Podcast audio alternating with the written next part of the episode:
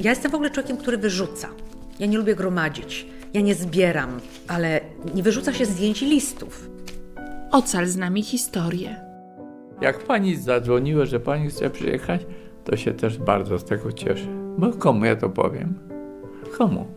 Zamówiłem tego 150. 150 egzemplarzy tej książki, tak? 150 egzemplarzy tej książki, żeby poznali prawdziwą historię. Podcast Archiwum Pełne Pamięci.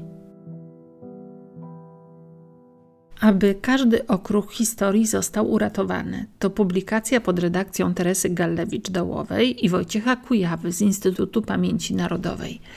Dzięki tej książce możemy poznać historię wybranych osób, których pamiątki znalazły się w archiwum pełnym pamięci, projekcie prowadzonym przez IPN.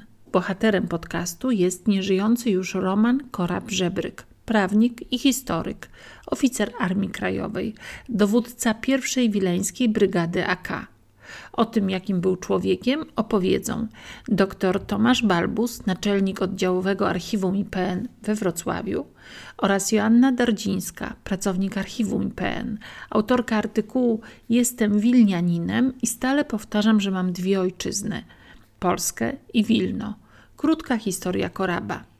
Ten tekst zamieszczony jest w książce Aby każdy okruch historii został uratowany. W jakich okolicznościach poznał się pan z panem Żebrykiem? Wiem, że się znaliście osobiście. O, spotkaliśmy się z dwa albo trzy razy na spotkaniach weteranów Wileńskiej Armii Krajowej we Wrocławiu i to były jeszcze lata 80. Potem kilka razy w latach 90. Nie były to częste spotkania, ale pan doktor Roman Korab-Żebryk z racji swoich zainteresowań, moich też e, zainteresowań, no, stał się tym człowiekiem, który jakby wprowadzał mnie w środowisko weteranów okręgu wileńskiego. To pani napisała artykuł o Romanie Żebryku. Czy dużo było tych dokumentów, z których pani korzystała? Spuścizna po koramie Żebryku jest bardzo obszerna. Było to siedem walizek dokumentów, na które składało się ponad 400 jednostek archiwalnych, ponad 7 metrów bieżących akt. Rodzina e, Żebryków pochodziła z Oszmiany, miejscowości położonej w województwie wileńskim, e, która e, od trzeciego rozbioru Polski znajdowała się pod zaborem rosyjskim. W 1915 roku Żebrykowie przenieśli się do Homla w guberni mochylewskiej. Było to duże przemysłowe miasto, gdzie 16 stycznia 1916 roku urodził się Roman Żebryk. Dwa lata później rodzina przeniosła się do Wilna, gdzie Roman dorastał i kształcił się. Jego ojciec był e, urzędnikiem, pracował e, na kolei. Myślę, że ta atmosfera domu rodzinnego, w którym przykładano bardzo dużą wagę do tradycji narodowej, do znajomości historii Polski, cała atmosfera wielokulturowego Wilna wpłynęła na charakter Romana Żebryka i później determinowała jego humanistyczne wykształcenie. Jak pan e, myśli sobie o panu doktorze, to w jakiej sytuacji pan go widzi? Jaki od razu obraz pan ma przed oczami? Ja właśnie nie mam obrazu starszego, zacnego człowieka, tylko przez to, że przez wiele, wiele lat pracowałem na materiałach, które udostępniał nam pan doktor Żebryk, to on mi się cały czas kojarzy właśnie z tym dowódcą kompanii szturmowej, tych młodych zabijaków, e, wileńskich chłopaków e, z, z samego miasta, ale też z prowincji, kiedy ich szkoli, dyscyplinuje, rozmawia z nimi. Był bardzo szanowany i poważany przez e, swoich podkomendnych ze względu na e, styl bycia, umiejętności dowódcze, organizatorskie i to, jakim był człowiekiem. Po ukończeniu e, studiów prawniczych Roman Żebryk trafił na obowiązkowy roczny kurs podchorążych rezerwy piechoty.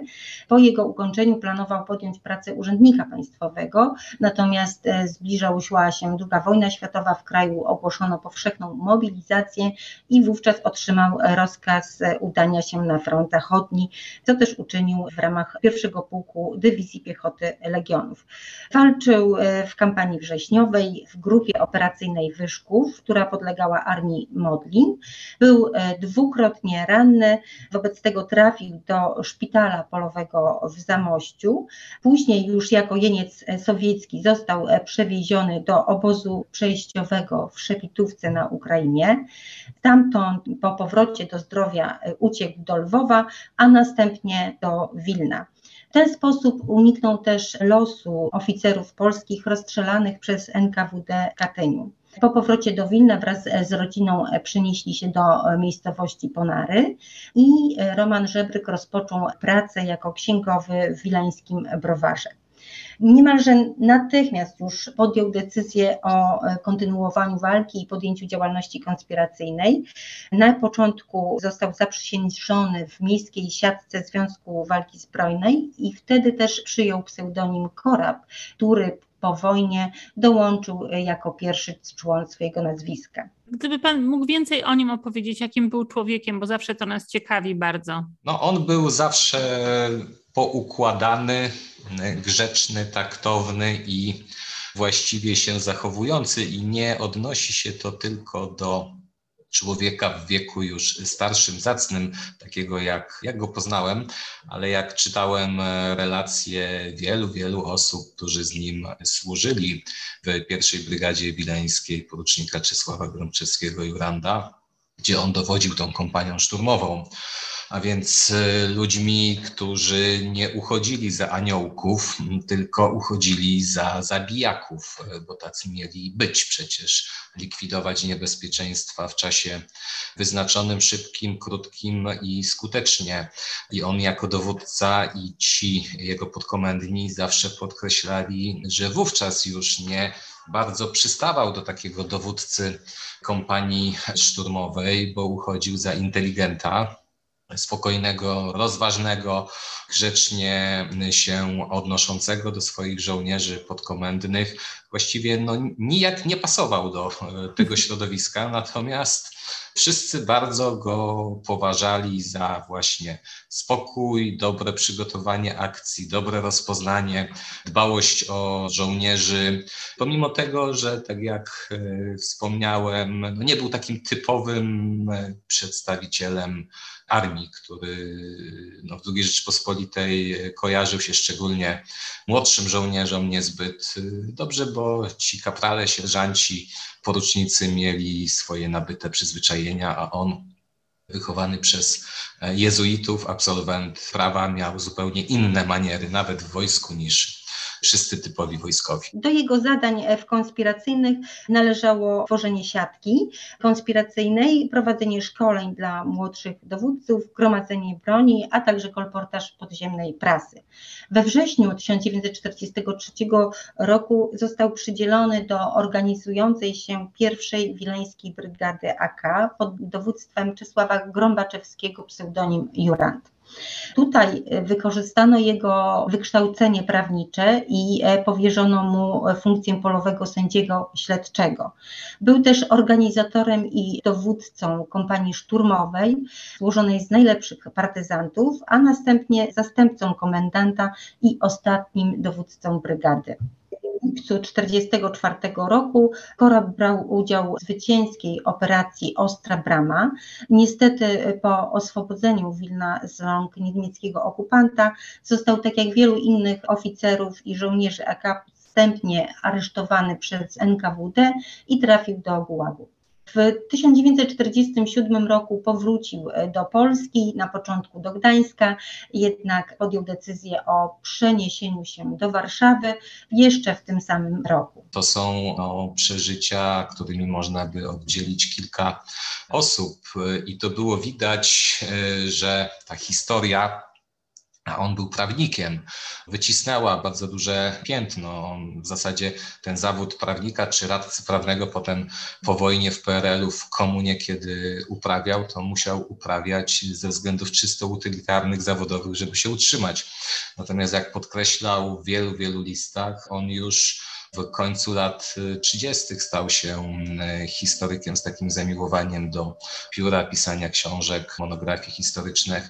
No i takim stał się już po 1944 roku, kiedy jeszcze w łagrach sowieckich w Riazaniu i w Jagilewie zbierał relacje od kolegów z konspiracji, z partyzantki, żeby potem móc to utrwalić w formie książki historycznej, a był badaczem bardzo, bardzo dokładnym, badającym wszelkie możliwe wówczas dostępne źródła. Po przeniesieniu się do Warszawy rozpoczął poszukiwania swoich podkomendnych, za których czuł się odpowiedzialny.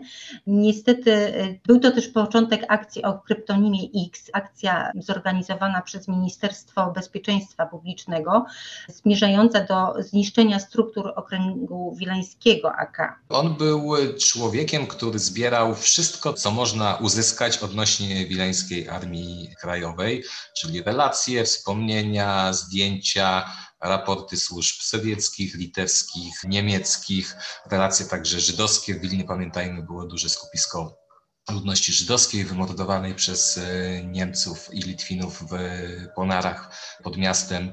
Także dokumentował e, i potem to nie było takie zbieranie jak wielu, wielu innych weteranów to robiło tylko dla siebie do szuflady, a potem już nie było z tego żadnego pożytku, tylko z tego, co zdołał uzyskać od kolegów, a pisał i monitorował, aby byli aktywni w zakresie upamiętniania własnej historii. No potem przetwarzał w formie książek, monografii, artykułów, audycji, wywiadów, e, relacji, na tyle, na ile mógł to robić e, w komunie. Pamiętajmy, że główną część tej swojej pracy naukowej, utrudnianej przez wielu, wielu ludzi, ale też wspomaganej przez kilku, którzy mu byli życzliwi, doprowadził w warunkach opresyjnych. Tak? To nie był normalny kraj, tylko to była prowincja sowieckiego imperium, w którym taki człowiek jak oficer Armii Krajowej więziony w łagrach, represjowany przez bezpiekę, musiał potem funkcjonować gdzieś na obrzeżach środowiskowych. W pewnym stopniu ta historia była też taką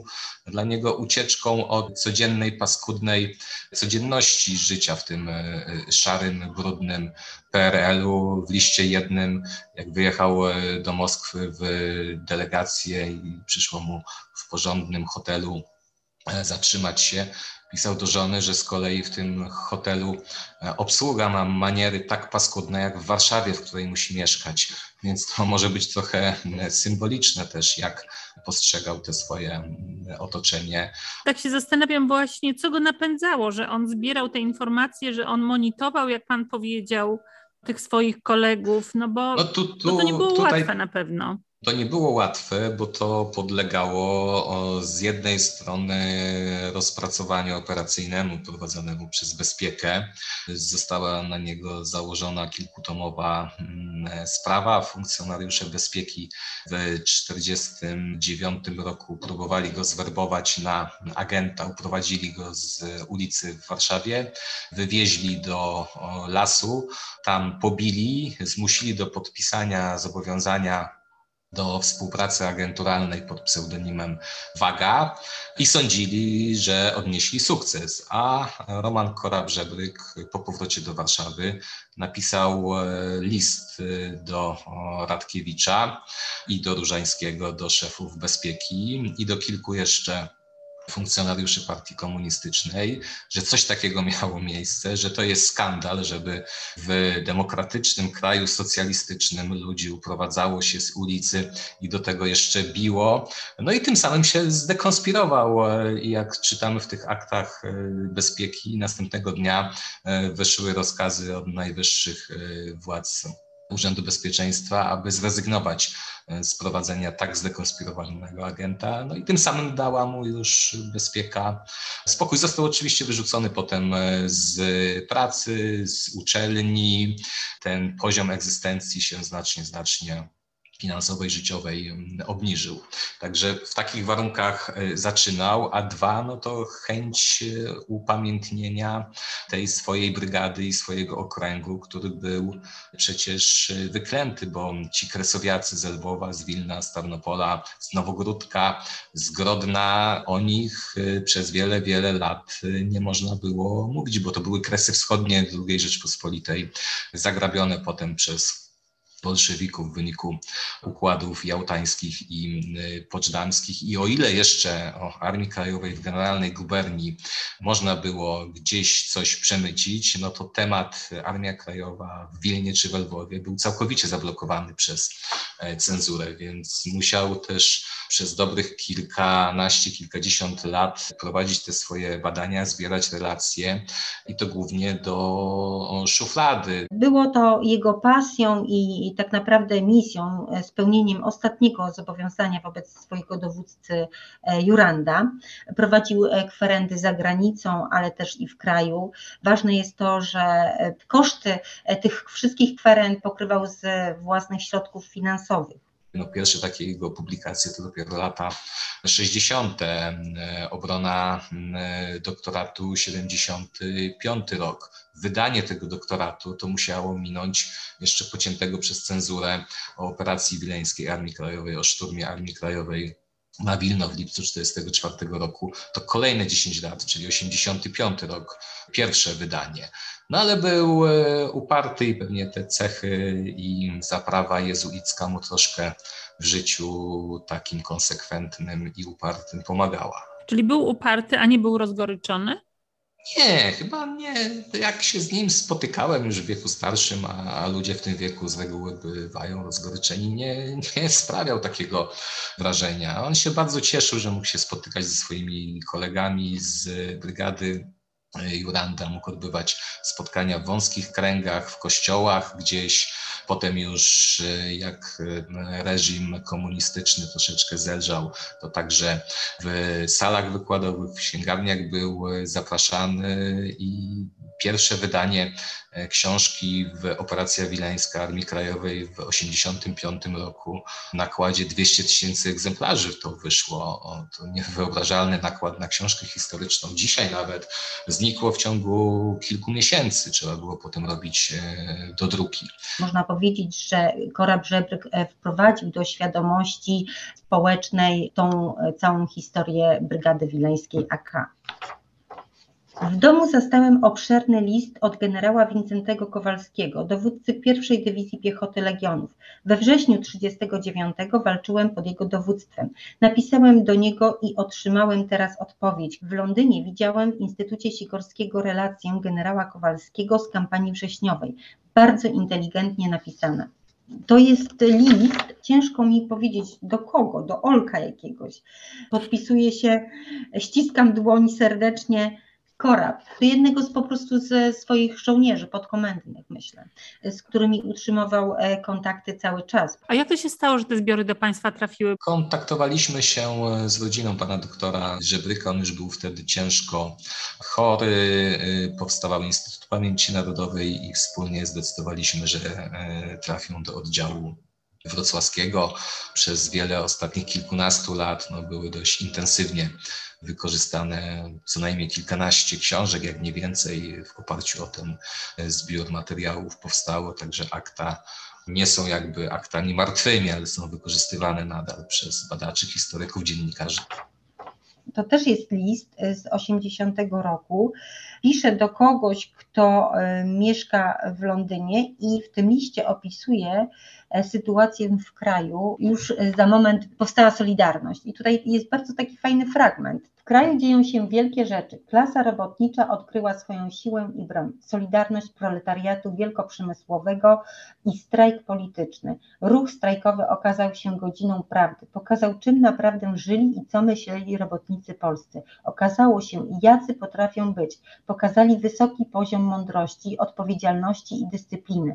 Zorganizowali straż porządkową do zabezpieczenia urządzeń fabrycznych i do utrzymania ładu. Okazali też wysoki etos robotniczy. Na całym terenie objętym akcją strajkową, nie tylko na terenie zakładów, zlikwidowali pijaństwo. Zakrawa to na cud takie materiały są potem no, kapitalnym też źródłem dla kolejnych pokoleń. Gdyby Roman Korab-Żebryk nie nazbierał 250 teczek relacji, wspomnień, materiałów e, zdjęciowych, ikonograficznych, listów, pocztówek, gdyby przez te kilkadziesiąt lat tego nie zrobił, no to my dzisiaj nie moglibyśmy e, pracować na źródłach związanych e, z tymi przekazami z tymi ludźmi, no bo ich już po prostu nie ma. Tak, mamy no, fenomenalne relacje, kapitalne do badań historycznych, jak chodzi o Wileńszczyznę lat wojny i okupacji. Bohaterem podcastu był Roman Kora-Brzebryk. O jego losach opowiadali dr Tomasz Balbus, naczelnik oddziałowego archiwum IPN we Wrocławiu oraz Joanna Dardzińska, pracownik archiwum IPN, autorka artykułu Jestem Wilnianinem i stale powtarzam, że mam dwie ojczyzny Polskę i Wilno. Krótka historia Koraba. Ten tekst zamieszczony jest w książce, aby każdy okruch historii został uratowany. Podcast przygotowała Hanna Bogoryja-Zakrzewska z torby reportera i podcastera.